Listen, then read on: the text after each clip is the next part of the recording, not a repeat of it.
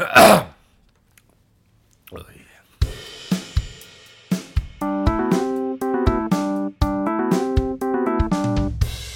Den gang da. Og hei og velkommen til denne fantastiske podkasten Den gang da, hvor vi diskuterer historiske hendelser og perioder og litt av hvert. Mitt navn er Henning Mortensen. Eh, Med meg så har jeg som vanlig mine gode venner og kollegaer. Hans, velkommen. Hei, Henning. Takk for det. Og ved siden av deg så sitter jo Jørgen. Eh, Jørgen hadde vi med som eh, gjest i, de forrige, i forrige sesong, men jeg tror nå vi kan la den litt dårlige interne spøken ligge og si at du er jo fast deltaker. Velkommen. Ja, Tusen takk. Det setter jeg kjempepris på. Gjør du det? Ja, Er det hyggelig, syns du? Å være her, ja. Ja, og få lov til å være her. ja så presset øker jo, da. Ja. Det må jeg si.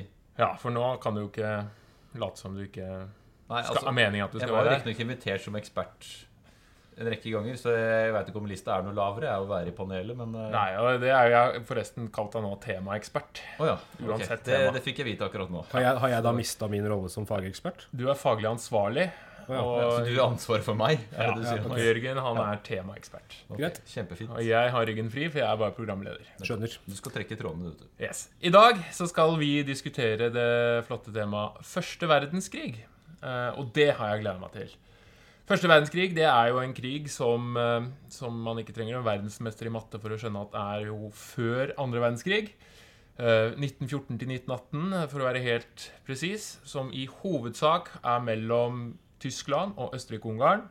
Ikke Østerrike og Ungarn, men altså Østerrike-Ungarn.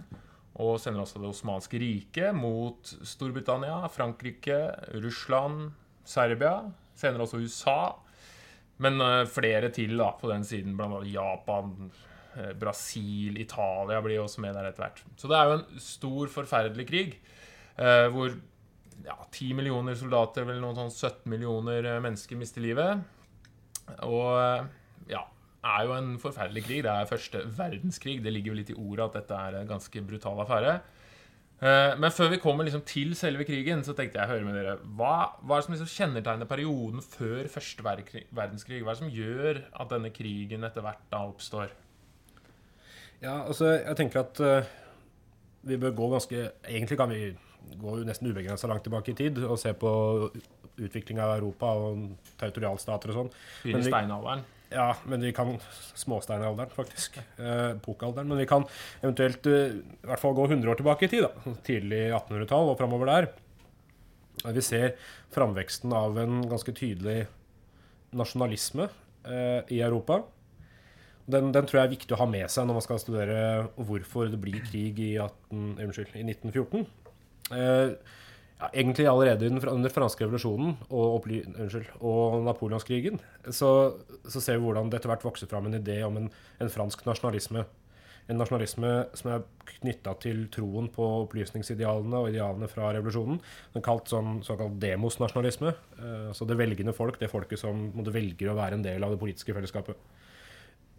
Eh, utover på 1800-tallet, første 15 åra, så ser vi hvordan napoleonskrigen herjer i Europa. Truer en del tyske stater. Det er viktig å huske at Tyskland ikke er et land på den tida. her.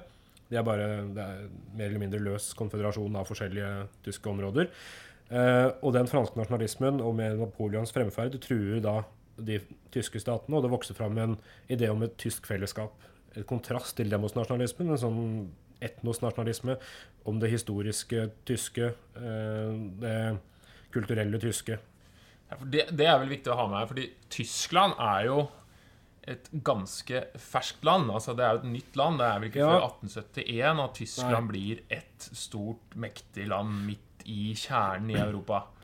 Ja, jeg, tenker at det er, det er jo vanskelig å se for seg nesten. Et land som eksisterer i dag, som ikke fantes som enhet.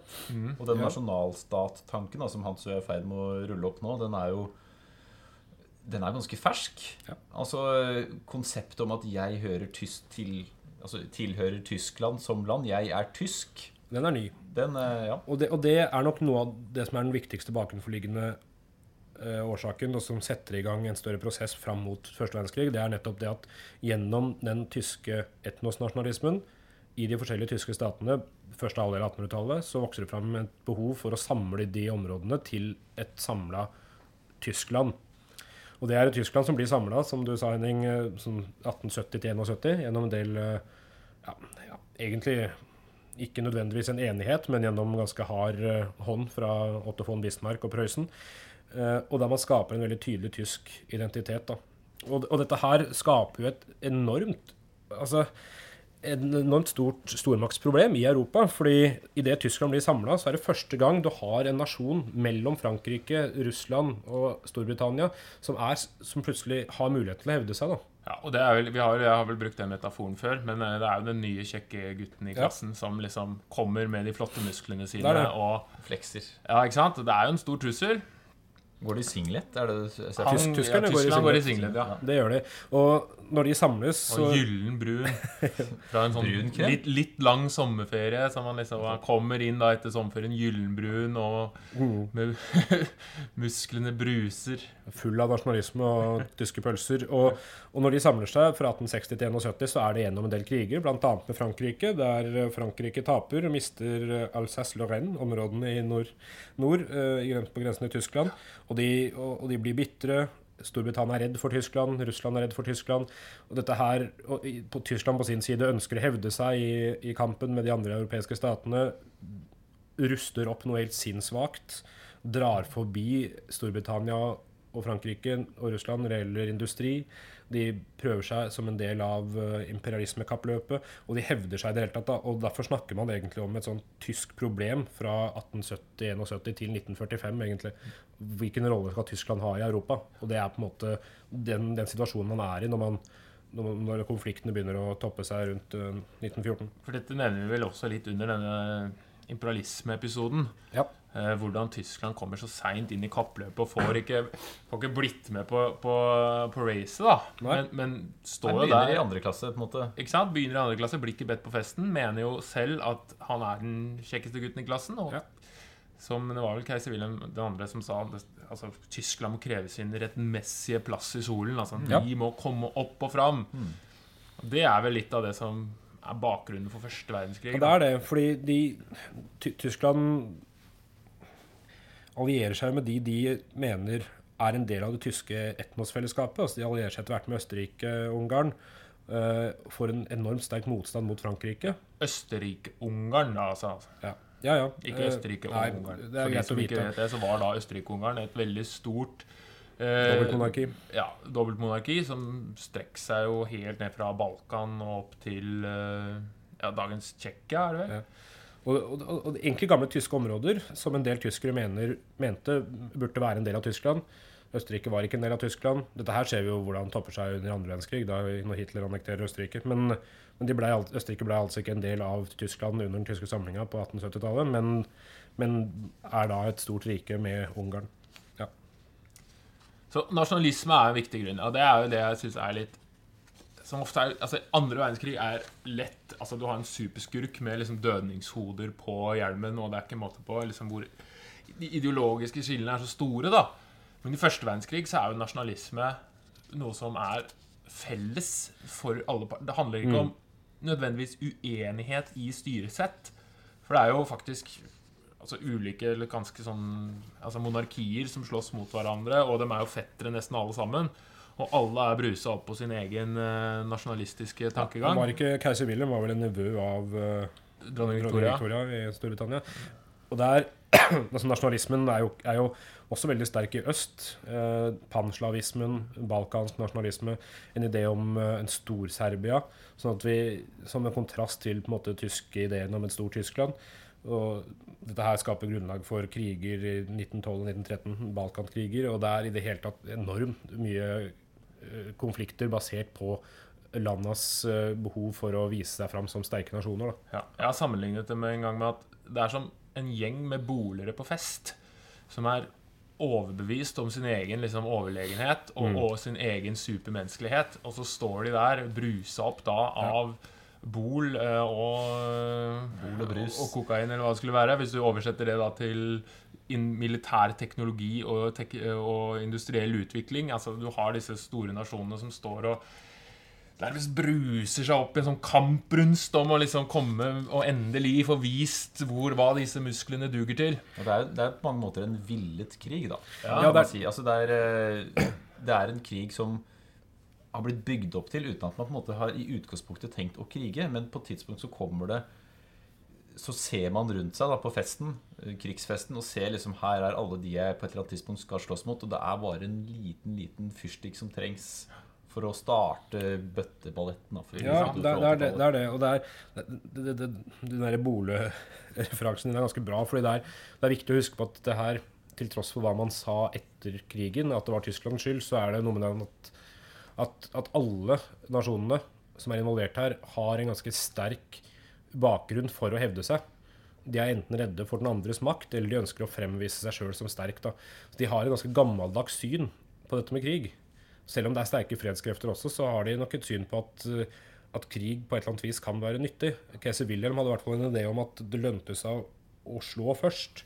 Hvis du blir angrepet, så er det for seint. Altså, du, må, du må ta i først, for hvis du blir Ja, angrepet, så, så kommer du til å ta Veldig tro på angrepskrigen, kan Ja, du si. Og, og ikke bare det, men i hvert fall i Frankrike så var jo eh, Altså, det å mønstre folk til militærtjeneste var jo kjempelett. Ja. Altså, folk strømma jo til og skulle gå i krig. Det var sånn, Yes, endelig skal jeg få slåss. Ja, Ja. og så med så mye flott nytt leketøy. Altså, vi må huske at denne Ja. er jo i, i kjølvannet av industrialiseringen og teknologien og maskingevær, og man har Altså, det er, må, Hva er vitsen med å ha en stor, flott hær og masse våpen og skip og drit hvis du ikke får brukt det? Altså, Nei, igjen, det, det, det er klart det. Og igjen da Tyskland Tysklands rolle her er interessant fordi de også klarer å dra forbi nesten Frankrike og Storbritannia og Russland i dette opprustningskappløpet. Så det er et helt tydelig opprustningskappløp fra 1870 og framover. eh, der Tyskland hevder seg stadig mer og mer, og dette stresser de andre områdene. Så Frankrike, Tyskland og Russland går etter hvert inn i en form for, form for allianse, der de helt åpenbart kanskje mest frykter den store makta de har liggende mellom seg, altså det nye Tyskland. Ehm, og kombinert da med at eh, alle landene, i hvert fall de fleste av dem, har store vyer om å dominere enda større deler av verden gjennom imperialismen, så, så blir det her en konflikt som bare eskalerer da, til så mange plan i, i verden at, og samfunnet at eh, det er, det, det, måte, det er så lite som skal til da, for å få krig. Ja. Men nå, hvis vi, ok, situasjonen, men det er også viktig å kanskje påpeke at dette er en periode som franskmennene kaller eh, la belle époque. Ja. Så hørtes det fransk ut? Det er kjempefransk. Ja, altså den vakre tiden. Hvor de, hvor, for det var jo også en tid med fremtidsoptimisme, hvor man trodde at ikke sant, teknologien skulle løse alle problemer man eventuelt ble stilt overfor. Man hadde en økonomisk vekst, industriell vekst. Europa sto jo som sentrum i verden og dominerte alle understående folkeslag, da, om man skal så, sånn som de tenkte. Så det var jo en tid hvor liksom Man hadde jo en veldig altså, For å ta et eksempel, da, verdensutstillingene. Ja. Som ikke bare er én, men mange. Altså, et helt konkret byggverk da, fra sen 1800-tallet, var det 1888, 1889, Eiffeltårnet f.eks., som skulle stå bare som et monument over 'dette får vi til' med jern og stål. Og det står der jo fortsatt, og det er jo for eh, mange grunner til det. Men som du sier, fokuset på at man kunne få til å utrette hva som helst med teknologi. Og det var noe, noe som var veldig populært i litteratur òg. At man hadde et veldig fremtidsyver. da. Og så er det noe som skjer når man ser at ok, denne teknologien kan faktisk misbrukes. Og det ser man jo egentlig ikke før krigen er i gang. At ok, Nei. oi, se hva det førte til. Dette, vi- dette her kan vi jo sikkert snakke om hvis vi snakker om konsekvensene av krigen og resultatene her, men, men det er helt åpenbart at man feilvurderer den teknologien man sitter på der. Fordi man, man, man ser kanskje for seg en, en litt gammeldags krig, ikke sant? Man er optimistisk til teknologien man har, men man glemmer at alle har den samme teknologien. Og da ender det jo opp med at du, man, man, alle tror at de kommer til å vinne kjapt, øh, men det blir jo ikke til det. Det er derfor man, man, så det, man, Ingen som ville ha en lang krig, men man tenkte at, noen tenkte i hvert fall at, at krig kunne være greit, fordi man gikk inn kjapt, vant og var ute igjen. Det blir jo ikke sånn. Ja, og Hvis vi skal gå konkret til verks, da så dette er jo, det, Man tror at det skal bli en angrepskrig. Det blir en forsvarskrig. Og mye av problemet er jo på vestfronten, i, i sumplandskapet i ja, Belgia, eller hvor det nå havnet til slutt. De, er, de sitter der i hver sin tyttegrav, og det beste våpenet er alltid forsvarsvåpenet, fordi utviklingen av maskingeværet, mitraljøsen, er den store, stygge ulven da, som man sitter og skyter hverandre med. Og man hadde ikke så stor kreativitet. Da. Det er lett å se det i etterkant. Man storma fra Altså, man gravde seg skyttergraver. Altså man gravde seg ned i bakken. Eh, lange korridorer som gjorde at man kunne løpe og gå og forflytte seg over forholdsvis store avstander. Men på et eller annet tidspunkt så måtte man opp fra skyttergraven for å ta fiendens skyttergrav, som ikke var langt unna. Ofte bare snakk om eh, en kilometer. Eh, Men der satt fienden og skøyt på deg med Skøyt, faktisk. Skøyt, ja. Veldig tydelig uttalt K i Ja, ja skøyt. Askimsk stil. Eh, hvor man skyter med meteorrøser og er sjanseløs på angrep. Og det er jo utgangspunktet. Og så får man en utvikling gradvis, ettersom man ser at det her funker ikke, med forsøk på tanks. Eh, og når jeg sier forsøk, så var det fordi at man, man er jo så i gamle tankespor at tanksen er ja, det er en tanke som skal utvikles til andre verdenskrig, og da blir det veldig effektiv, men første verdenskrig-tanksen ikke spesielt effektiv. Nei. Gikk i 1 km i timen og var dødsfelle nummer én. Begynte å brenne. Og beltene som man da hadde utvikla, som gikk rundt hele tanksen omtrent, litt som at man kler på seg et skjerf og har på, altså fra bein til hode istedenfor rundt halsen, så har man belter som går rundt hele, og de blir ustanselig ødelagt og stopper og blir sitting ducks og blir beskutt og Ja, ja nei, altså før vi, før vi kommer så langt, nå må jeg ta programlederrollen. For nå, Ja, ikke sant? Vi har sett nå tiden før Europa. Ja. Eller før, før krigen. Mm. det er sterk nasjonalisme. Tyskland vokser frem, ønsker å få sin rettmessige plass. Dette er drevet av en økende militarisering og en økende eh, industrialisering som gjør dette her mer mulig. Gjør liksom teknologien eh, såpass effektiv at man liksom alle man besitter store hærer og gjennomgående konkurranse på alle områder i samfunnet da, mellom de europeiske nasjonene. Ja, og så Samtidig så er det jo en del allianser som oppstår, som på en måte er en slags årsak til at dette blir en såpass omfattende krig. For man ser liksom et slags fellesverdi liksom, Som dere sier, Frankrike og Russland frykter begge Tyskland, og Tyskland og Østerrike-Ungarn har et slags fellesskap og, og Man bygger på en måte dominobrikker inntil Ja, hverandre. man gjør det, fordi altså, spesielt alliansen mellom Tyskland og Østerrike-Ungarn er jo spennende med tanke på at den er en gjensidig forståelse for at om at eh, hvis den ene havner i krig, så skal den andre støtte, uavhengig av hvordan den havner i krig. Altså, du kan, Om du blir angrepet, så får du støtte fra det andre landet. Om du faktisk angriper noen andre, så får du også støtte. Så det er en sånn helt altså, er en Men Italia var jo vel også med på den alliansen, Alliansen men det var var jo med. forsvarsallianse, for de Da ville jo ikke være med da i krigen. Men før vi kommer så langt Alt dette her er jo liksom det bakenforliggende, som man sier, ikke sant?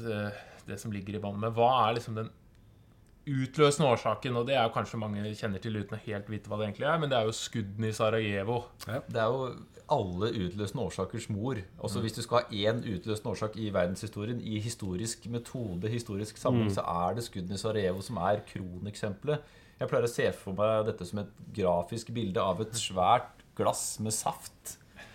Bare rødt, da, eh, for symbolsk verdi. Nasjonalistisk eller blod eller hva man vil fylle med. Så har man fylt opp dette glasset til randen. Det er så fullt, det glasset. Det skal en liten fyrstikk til, altså hvis det har vært en annen metafor. En liten dråpe. En dråpe, ja. Det er fint du blander metafor på det. Dobbelt metafor. Og så er det på en måte bare den lille, lille, lille dråpen med vann. Ja. Eller saft. Veldig god metafor. Ja, Eh. Som gjør at det bare skvulper over, da. Ja. Og da er det i gang. Og da knuser glasset, og man heller det ut. Og det er eh, En litt sånn eh, ekstravagant måte å si gla dråpen som får glass til å renne over. Ja, og det er jo ingen annen Det er det beste eksempelet på en sånn type utløsende årsak. Og der veit jeg at du, Henning, Ja, ja, har fordi noe å si. Ja, for skuddene i Sarajevo er jo Jeg vil si at er det mest Altså mest mislykkede, vellykkede attentatet, eller hva man skal si, som noen gang har skjedd. Fordi det er jo egentlig en katastrofe fra ende til annen. Eh, Sarajevo eh, ligger jo Sarajevo Sorry. Altså Du mener katastrofer en sånn utførelsesmessig? Ja, fordi Sarajevo, ikke sant Eh, Litt bakgrunn, ikke sant I Bosnia, som er jo der Sarajevo ligger, som er annektert da av Østerrike-Ungarn i 1908, tror jeg. 1980. Og da har Østerrike-Ungarn på en måte tatt kontrollen. Og i, i Bosnia, eller i Sarajevo, der da så bor det jo mange serbere. Og serberne har jo et ønske om å bygge opp et slags Storserbia. Det er en sterk sånn, økende serbisk nasjonalisme. Uh, og disse gutta da, som er, er, utfører dette attentatet, dette er jo serbiske nasjonalister. Uh, og, og det er jo en, en gruppe, en gruppe da, som skal gjennomføre og skyte da, denne Frans, eller drepe da, denne Frans Ferdinand, som er tronearvingen i, uh, i Østerrike-Ungarn.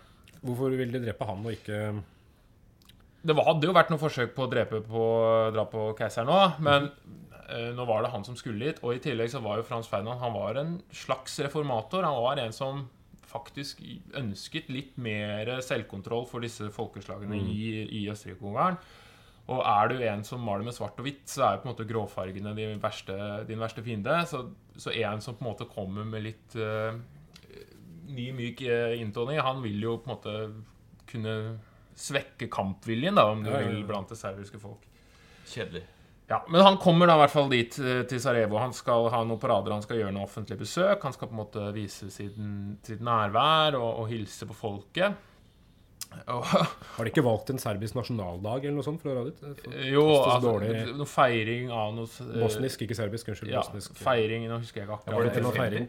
Ja, det er litt Ja, og det Er, passet, er det bare uvitenhet? Ja, jeg tror det passa veldig dårlig, da. Fordi de, de, de, de feira jo seg sjøl. Ja. Så hei, hei, hei, nå skal vi feire. Sånn, eh, Men du har sagt at han skulle kjøre da Og han valgte å kjøre en åpen bil. Det er også kanskje Smart. et viktig poeng. Ja, fordi, og det var jo advarsler mot at det er noen Ja, ja. som er ute etter deg, liksom. Men han Heter kabriolet da? Ehm, Det er et godt spørsmål. Ja. Vi lar den ligge. egentlig ikke så godt spørsmål. Eh, egentlig ganske Det finnes ikke, finnes ikke dårlige spørsmål, det finnes bare veldig dumme spørsmål. Det Det sant. ikke dårlige spørsmål, bare dårlige klær. Ja. La oss gå videre. Men han kjører i hvert fall da gjennom byen. Og disse gutta da, dette er en gjeng som er liksom litt løst sammensatt, men underkontrollert. Den sorte hånd har sikkert noen hørt om, som er en sånn ja, serbisk terrorgruppe, eller frihetskjempegruppe, eller hva du vil. Alt ettersom hvilken side du står på. Ja, og dette er eh, unge gutter. Eh, Gabriel Princip han er vel ikke mer enn 19 år, tror jeg. Han, han, er, eh, han har tuberkulose, han skal snart dø. Flere av disse gutta har det. Og de planlegger nå- Vi må få drept denne her Frans Ferdinand. Ja, jeg vet ikke om Skal, skal det sies at, at dette her er ikke noe de, de gutta der planlegger sjøl nødvendigvis? Altså, de får hjelp litt fra serbisk etterretning. Og Og det, sånn, ja. det er jo litt viktig, med Ja. tanke på at dette her ikke bare er et hvilket som helst attentat, men at, at Serbia som, som land også knyttes inn der. Ja. Men eh, det er i hvert fall ikke mye offentlig med dette her, da. Fordi gutta Det er jo en guttegjeng på fem-seks som er, skal begynne å ta livet av denne fyren. Og de kjenner ruten han skal kjøre, og så stiller de seg opp langs den ruten for å liksom sikre seg litt, da. Og de har eh, fått noe sånn cyanidgreier, fordi de, dette er seriøse greier da, som skal ta livet av seg og liksom Hvis de blir tatt. Ja, for selvdrap. Altså, er det, var det type cyanidpiller, sånn som vi hadde i andre Ja, de som du skulle bite på. Ja, kapsler. Ja, Jo, det var det. Var det De skulle kjøre det inn i kjeften, i hvert fall. Ja, det var noe de skulle kjøre inn, det var en liten ampull som de skulle Ja, helle i seg. eller et eller. Uansett, dødelig. Det har jo egentlig litt å si. Men uansett, så er det han førstemann. Han heter så mye som eh, Mehmet, ba Mehmet, Mehmet Basic. Mehmet ba, ba, uh, Bacic Nei, Ja. Basic. En, uh, han er vel en av de eldste. Han er vel 28 år eller noe. Ja. Og han står der og klar med bomber og greier og skal ta denne Håndgranat, pass ja. passasjen som kjører forbi. Så kjører bilen forbi. Han står handlingslamma, gjør ikke en skit. Uh, om han er redd, eller om han som ikke så hvem som var hvem, og sånn. Men det Det var bare Det var så mange åpne biler den dagen. Uansett, første sjanse for Et par, par to-tre åpne biler i det følget. Uh, første sjanse for, bil, for spill. Men så er det nestemann av denne gruppa, uh, Krabrinovic. Han står også klar til å kaste en håndgranat. Får faktisk kasta håndgranaten mot bilen. Den flekker av og lander og sprenger bak eh, bilen til da, Frans Ferdinand. Og skader jo noen andre og på en måte skaper leven. Og, men han klarer jo ikke å drepe Frans Ferdinand. Men han hyler jo da i seg denne cyaniden. For tenker nå skal jeg Nå har jeg på en måte gjort noe gærent. Jeg kan ikke risikere å bli tatt. Hyler i seg cyaniden, hopper ut i elva. Men så viser det seg at denne cyaniden den er jo gammel.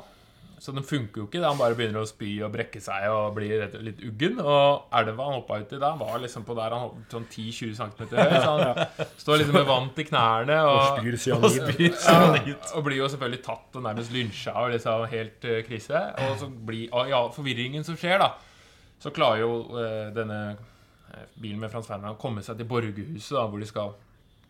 Og han borgermesteren er i full forvitring, begynner da å lese Han veit jo ikke noe om dette. Eh, jo, han har vel en Har han, en, jeg, jeg mener han satt i bilen, men uh, jeg trodde, nei, jeg trodde han møtte dem der, jeg. ja. Han begynner å lese den velkomsttalen. ja. For han begynner å lese velkomsttalen og liksom er litt sånn forvirra. Og, Ja, ja. Og Ferdinand med blod på jakka. Ja, Som om ingenting har Ikke skjedd. sant? For han veit liksom ikke skal Mens Frans Nei, det dette er, det har vært et attentat, og, men de liksom kommer av gårde og sånn. og så har- gjør de sine affærer inne i rådhuset. Og så skal Frans Ferdinand tilbake. Han skal egentlig på noe sånn museum eller noe, men han bestemmer seg for å dra til sykehuset for å besøke dem som ble skadet da i dette første mislykkede bombeangrepet. Og på vei dit så er det mye stuking og kjøring, og så kjører de litt feil, og så skal de liksom begynne å rygge og kjøre tilbake og alt mulig. Og når de akkurat da står der og liksom girer og knoter Det er vanskelig å gire. altså Det er usynkroniserte girkasser, og det skraper og Og da plutselig så befinner jo da Gavrilo Princip seg da med ansikt til ansikt med da denne Og det er helt tilfeldig. det er helt, Han har gått og kjøpt seg en sandwich og liksom fundert på hva Ja, som er gærent. Og står og bare eter på gata. Og så plutselig står han der da og liksom ansikt til ansikt med Frans Ferdinand. Men han, da skal han jo ha da, sånn at han er jo ikke treig da med å benytte er sjansen. Så da, da trekker han jo opp pistolen og, og skyter Skyter Frans Ferdinand og også kona, da. Som for øvrig er gravid. Ja, så det er jo egentlig, egentlig ganske trist Ja, det- det det. Jeg skal ikke fleipe for mye med det, men, eh, men eh, de blir i hvert fall drept av død senere. Og Gavrilo Princip prøver også å hyle seg gjennom. Den er selvfølgelig også gammel, en dårlig leverandør. Prøver å skyte seg, men klarer ikke det, og blir fanga, da. Han dør vel av tuberkulose i 1919 eller noe sånt. Ja, noe sånt. Han sitter vel i Teresin, eh, fengsel i Tsjekkia. Det som ble ja. Theresienstadt konsentrasjonsleir Ja. under andre verdenskrig. Så, han, eh, så dette er jo et, eh, egentlig en katastrofe fra ende til annen, men av helt sånn tilfeldige, liksom litt sånn obskure årsaker, så klarer jo da Gavrilo Princip å skyte denne eh, Frans Ferdinand. Og, og det her er jo det som du sier, er jo kremen av utløsende årsaker. Så det at det liksom historiens tilfeldigheter får så store konsekvenser. Men da må jo spørsmålet være, som jeg da stiller dere eh, Hvordan blir liksom at én mann dør i en by skuddene i Sarajevo, eller selvfølgelig en mann og en kone, men hvordan blir det til en verdenskrig? Hva er det som gjør at det ene attentatet blir til en altomfattende krig? Det er interessant, da. vi Altså, det har vært masse kriger på Balkan tidligere. Shitloads med krig. Østerrike-Ungarn er drittlei av at det er mye krig i områdene deres. Østerrike-Ungarn er på det tidspunktet et konglomerat av folkeslag som hele tida havner i nasjonalistiske rør med hverandre. Eh, et dynastisk etnokonglomerat, kan vi kalle Østerrike-Ungarn for øvrig. Jeg skal ikke, jeg gir ikke å forklare det. Men det er eh, Nei, altså, hvorfor blir det krig når altså, ja, det du i essens spør om her, er hvorfor attentat Altså, hva skal man si Hvorfor en serbers drap på eh, den østerriksk-ungarske tronarvingen fører til krig mellom Tyskland og Storbritannia, f.eks. For eksempel. Jo eh, det, det, det må jo nødvendigvis eh, ses i sammenheng med alle disse alliansene. Når Tyskland er alliert med Østerrike-Ungarn og har en blankofullmakt mer eller mindre på at hvis den ene blir angrepet eller angriper, så kommer den andre til å støtte. Eh, da blir det stressa stemning eh, med tanke på at det er en allianse mellom Russland og Frankrike på andre sida som eh, blir nervøse når Tyskland eh, går til krig mot Serbia, og Serbia er en alliert med Russland. Ja, For det er viktig å få fram. med Russland. For krigen er jo i utgangspunktet egentlig da mellom Østerrike-Ungarn og Serbia. Ja. eh, Og denne julikrisen, og, som ender i et slags ultimatum til Serbia, som Serbia ikke kan akseptere. Ja, det skal nedruste og så videre. De nekter å gjøre det. Og Russland ønsker å støtte Serbia, og begynner å, å mobilisere og sånn. Og Tyskland støtter Østerrike-Ungarn og sier til Russland hei, slutt med det der. Russland sier et eller annet på russisk, da, men uh, Nei, det vi fortsetter. Og Tyskland erklærer krig mot Russland. Og det er jo fordi Tyskland har Altså, keiser Wilhelm Drømmeren keiser Wilhelm, som for øvrig under krigsutbruddet er på ferie i Norge. Han er på Norges cruise på Vestlandet og Nord-Norge og hvelver seg rundt i norske fjell og fjorder. Eh, Men da må etter hvert dra tilbake til, eh, til Tyskland for å ta noen form for ansvar. Og han, han har en idé om at det å angripe først, som jeg sa i stad, det er lurt. Og det er jo for så vidt Det kan være lurt, men, men han, Ja, i alle, alle historiske strike. Men han, han, tenkte at Russland mobiliserer så sakte at vi kan angripe Frankrike først. Slå Ja. dem, og så rekke å ta Russland før Russland rekker å mobilisere. Ja. For det var feilvurdering. Ja. Og tofrontskrig er jo marerittet. Ja. Det som man alltid vil unngå. Altså front på vest og front på østsiden. Fordi det er viktig også når vi snakker om vestfronten og østfronten i første Ja. verdenskrig, Ja. og andre for så vidt, Ja. så, er det jo, så er det jo fra tysk perspektiv. Ja, og De ligger jo klønete til, da, sånn sett. Fordi de de er, Ikke bare har de nesten ikke noe kystlinje, så de ikke får ut båtene sine. eh, noe som skulle i andre verdenskrig før at de var interessert i Norge, f.eks. Men Mm. eh, de har jo både vestfronten mot Frankrike og østfronten mot det som blir Russland og den eh, Ja. Ja. store faren i øst, da, som de jo aldri klarer å få has Nei, de gjør ikke det, men de prøver. De tar altså, da går til angrep mot Frankrike først for å prøve å slå Frankrike. Det er vel denne Schlieffen-planen, som det Ja, blir kalt. det er ikke det. sant? Ta Frankrike et lynangrep. Ja. Og da, siden grensen mellom Frankrike og Tyskland er jo ganske De er jo gamle erkerivaler her, De så er den er godt bevokta. Så det er jo den gamle Maginot-linjen som ligger der, eh, og er delvis ferdig. eh, Og på en måte er utgangspunktet for forsvarskrigen da, som oppstår. Så da er det jo et lite Holdt jeg på å si lite filleland, så da følger jeg opp det og sier lite filleland sett fra et tysk perspektiv. da Jeg er Belgia. glad i alle Belgia, belgere. ja. Altså, jo- Kjempeflotte Belgia. Ja. Men de går gjennom Belgia. Og det er her problemet kanskje oppstår på, som får med Storbritannia inn. For Storbritannia har jo vært skeptiske til, til den alliansen de er i, med, med å love bort noe som helst. Og her kan vi jo kanskje kalle gi allian- alliansen navn. da Vi har trippelalliansen i utgangspunktet mellom Tyskland, Østerrike, Ungarn og, og Italia. Italia trekker seg fordi de gjør det. Det er Eh, jo litt han kompisen som i, du slo først, så da får du da får du for sørge for å Ja. stå for det. Så de trekker seg fra hele greia. På den andre sida har vi trippelententen, som er en løsere form for allianse mellom eh, Storbritannia, eh, Frankrike og Russland. Men Storbritannia har samtidig en, en beskyttelsesallianse med Belgia, som skal sikre Belgias nøytralitet. Og de har jo også en interesse av at Tyskland ikke blir for mektig. Som vi har snakka om før, de er stressa for Ja, dominans. da er vi over på utmattelseskrigen her. Det er det. Så, men når da Tyskland går gjennom Belgia for å ta Frankrike, da er Storbritannia mer eller mindre nødt til å trå inn. Ja. Så da er det jo krig. Og Russland kommer jo med, og det blir jo en tofrontskrig. og Dette er jo en altomfattende krig, men det vi i hvert fall her i Norge kanskje er best kjent med, da, når det gjelder krigføringen, det er jo denne her, som du var inne på i stad, denne skyttergravskrigen, spesielt da kanskje knyttet til vestfronten.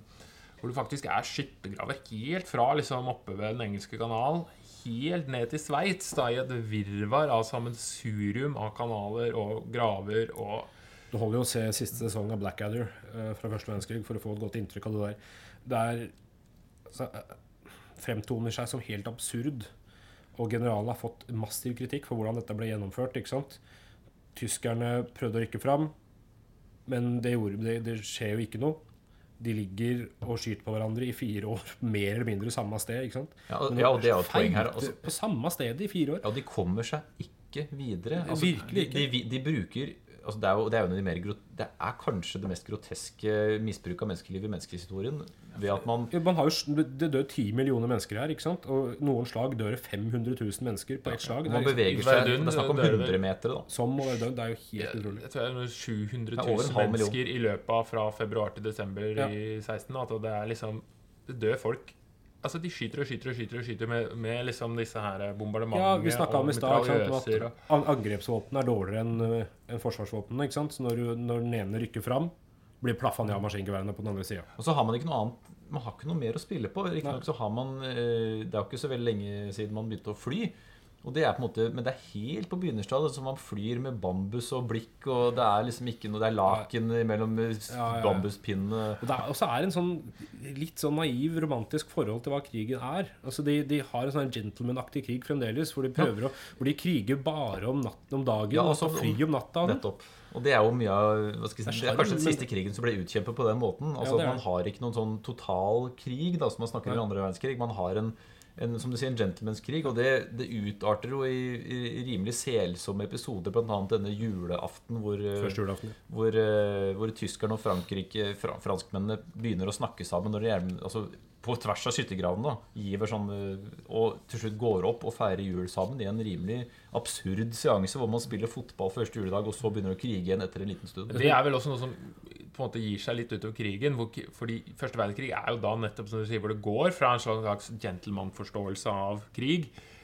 til å bli mer sånn der brutal nedslakting og rett og slett bare total krig. da. Altså, det er ikke 9 til 4 lenger, da. Man begynner jo med, med, med gass òg, ikke sant? Og Ja. gass er jo noe altså helt jævlig. Det er jo egentlig ikke lov. Ja, det er jo sennepsgass som eh, først og fremst er eh, utgangspunktet, er det ikke det? Jo, sennep og klorgass er vel det man bruker. Og, og i begynnelsen så kjører man jo bare svære eh, tønner hvor man liksom starter og lar det hvor- med vinden, og der Ja, ja, hvor vinden tar får- deg. Private folk får Alle som har pissa i sterk vind, vet jo at det ofte ikke er så lurt. Men så man finner jo opp sånne granater ikke sant? som skyter over gass. Og det, gassen er jo et av de Det er jo kanskje det verste. Ja, og Det fører jo i etterkrigen til at det blir forbudt ved lov Mm, å bruke gass i krig. Altså Hvor enn rart det høres ut, at man har faktisk regler for krigføring.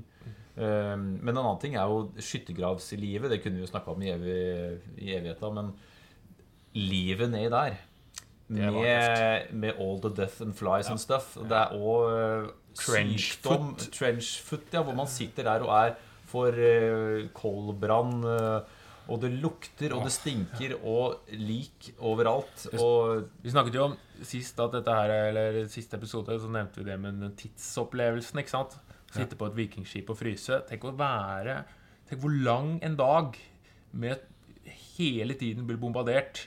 Hele tiden blir beskutt i en sånn skyttergrav, og det er rotter på størrelse med katter, og du fryser, og du er våt på beina, og du så lurer de du til slutt hva faen, er det hva faen gjør jeg her? Og det er samtidig Beklager at fullstendig Ja, det, ja, det sitter sin spiss, vet du. Retorisk. Absolutt. Legitimt, det. Fullstendig håpløst, bør det jo nevnes, da. Og, den, og håpløshet er ikke det først og fremst forbinder med motivasjon. Nei. Det er helt Det er ingen mulighet for at dette skal bli bedre. Og det gjør ikke det heller. Det er En av de håpløshetselementene her kan eh, eksemplifiseres med, med dette med, med framrykkingene. At man ikke rykker fram, man står i stampe.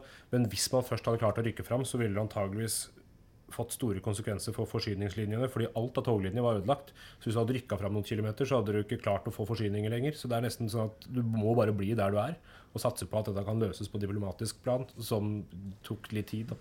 For dette var jo en, en, en forsynings... Altså, som alle andre kriger, så er jo forsyning en viktig Bryter man dem, så er det Og det jeg alltid har funnet fascinerende, eh, det man ofte glemmer når man snakker om krig, og spesielt i gamle dager, er jo mengden alkohol som går med i krig. Fordi det er jo ingen hemmelighet både i første verdenskrig, men også andre verdenskrig, så var jo alkohol en viktig del av stridsrasjonen. Og tyskerne drakk tønnevis med snaps, og det var Og brukte andre ting også for å komme Ja. seg i, Ja, ja, i laget. Ja, det var jo det tiden også før første verdenskrig ble jo kalt the great binge. Altså det var, For- alt var jo nærmest lov. kokain Heroin og opium og- kokain. Og, for å få dette til å være til en viss grad levelig. Uh, ja. Men uh, skal vi, skal vi komme oss til slutten her, eller? Altså eh, ja, for jeg merker at dette er et tema vi kunne snakket mye om. Uh, nå, er, ja, Ja. nå er vi godt inne i liksom krigen. Og du nevnte jo fly, og tanks er jo blitt nevnt. Eh, så, så, bare for å oppsummere litt, altså dette er jo en krig som som du sier, begynner litt sånn gentlemanaktig, men som etter hvert blir en sånn total, brutal nedslakting. Det vi Det, akkurat, akkurat den hele bildet der har gitt opphavet til veldig mye av ironiseringa i verden for øvrig. Men ironien på en måte fikk en, fikk en fremvekst etter første verdenskrig, fordi hele greia fremstår som så ironisk. Her er det noe man tror skal skje, og så blir det totalt motsatt. av det. En sånn skjebnens eh, mørk ironi som helt åpenbart setter sitt preg på kulturuttrykk etterpå, sånn som hos Hemingway og sånn. Ja, Men- ironisk nok. Vi kan- ja. Eller, nei, eh, Men nei. hvis, vi skal, hvis man skal på en måte si noe om hvordan dette her går videre, så er det jo det at uh, Russland trekker seg ut pga. interne konflikter, kalt den russiske revolusjonen i ja, ubetydelig. 1718. Eh, USA blir vel med her og så kommer USA inn, ja, etter en del uh, affærer som gjør at de etter hvert er nødt til å joine krigen. Uh, trenger ikke å snakke så mye om det, men uh, dette her, eh, da, da begynner det å ikke gå Tysklands vei. I tillegg så er det jo et lite eh, revolusjon i Tyskland også, Ja. som eh, Keiser Wilhelm eh, må jo gå av. Det er noen marinekaster eller hva det er, som ikke har lyst til å være med og seile mer. Og... Så det, det Og, ender og, jo og med, da. krigstrøttheten slår jo inn, Ja. det må vi jo si. At ja. folk er rett og slett lei. Det forstår de. Hvorfor skal vi krige mer når vi har holdt på en år? Hva har vi utretta? Vi har fått uh, fire kilometer med våtmark. Det er på en måte Det er, det er ikke liksom krigsutbytte fra romerske tradisjoner her. Det er det er gjørme. en fin Blackadder-greie på den der når de står med de skal, Den topplederen som står og ser, ser på en sånn et bord da, hvor de har lagt en sånn gressmatte. ikke sant? Og, og dette her er det vi erobra i går natt. Ja, hva er skalaen? Nei, nei, det er det her. Ja, det er den. Det er den Lille gressflekken der. teppet. Ja, Mm, Det er ikke noe mer. Ja, Um, så det er krigsretthet, og det er eh, mange omstendigheter. USA kommer inn, Russland trekker seg ut. eh, og det er en revolusjon i Tyskland som da gjør at Tyskland på en måte kapitulerer, og, og det er vel 11 til 11 klokka 11. Det er en slags Mhm. signering av en fredsavtale. 1918. 1918. Og dette leder jo opp til da krigsoppgjøret etterpå, da. Ja, og, og hvis vi skal snakke om Unnskyld, nå bare stjeler jeg, Henning. Eh, hvis vi skal snakke om den klassiske utløsende årsak, så er jo også dette her en typisk eksempel på hvordan ikke gjøre et krigsoppgjør for å hindre fremtidige kriger. Nei. For Det, det kan vi vel være enige om. Nei, gi Tyskland hele skylda. Ja, la oss, la oss gi den, eh, den oppbola uh, kjekke gutten i klassen skylda, Ja. fordi han Vi, vi syns det var så greit, liksom. Men allikevel en sånn sinnssyk mellomting der Versailles-traktaten helt åpenbart bærer preg av en litt sånn Man prøver å finne en gyllen middelvei som ikke egentlig er så gyllen. Der uh, Storbritannia har lyst til å knekke Tyskland fullstendig. USA, som ikke har lidd så noe særlig tap, egentlig, de er mer ettergivende og syns at det er viktigere å bygge opp Tyskland igjen. Og så blir det en mellomting. Knekker dem akkurat så mye til at de blir forbanna, men ikke nok til at de ikke klarer å reise seg igjen. Da. Og det skjer jo med Hitler og moro på 20- og 30-tallet. Og det, det har jo først og fremst med penger å gjøre. Altså at man har så store krav. Økonomiske, tøffe krav. Og de skal jo krav. stå for alt Ja, av og reparasjon. de skal, de skal altså dekke eh, erstatningskrav til en rekke land og reparere og ikke ha lov til å ha egen industri over en viss skala, ikke ha egen marine, ikke egen militær. Og så skal de betale summer som er så sinnssyke at det jo fører til krakket, som vi ikke har tid til å snakke om i dag. Men Ja. Eh, altså de, inflasjonen løper løpsk, og man får en umulig gjeldsbyrde. Altså det er luksusfellen i 1918 og utover. Det er det. Og tenk på hele den der morsomheten i dag. At krigen som begynner med at en eh, serber dreper en østerrike-ungarer i Bosnia, fører til at Tyskland får skylda. Det er en, det er, det er en tankerekke her som eh, Gjorde man den tankerekka? Jeg vet ikke, du- men jeg, jeg Var det noen som glemte det? jeg, jeg vet ikke, men jeg, jeg håper de som har hørt på dette her nå, eh, at dere har klart å på måte, følge, følge tankestrømmen der og skjønner hvorfor det henger sammen. Eh, Men man gir altså Tyskland skylda. Dette får enorme konsekvenser for Tysklands selvfølelse og stilling i Europa i åra som kommer. Ja, fordi dette er jo ikke så mange år før andre verdenskrig bryter ut. Nei. Og tenker vi må eh, snart avslutte før tida går. Eh, Kjenner jo at dette er et tema vi kunne prata mye mer om, men eh, kanskje en annen gang. Eh, For nå må vi vite vår eh, besøkelsestid, så nå tenker jeg vi å avslutte litt. Men da neste gang kan vi ikke ta opp tråden med Versailles-traktaten og mellomkrigstiden da, og så kommer vi inn på andre verdenskrig da enn eh, hvert, ja. litt senere. Flott. Så skal vi si takk for i dag. Takk for i dag. Takk for i Var det vel blåst? Ja, nå har vi sagt takk for i dag. Ja. Nå må ja. slutte. Så jeg slutter å prate nå.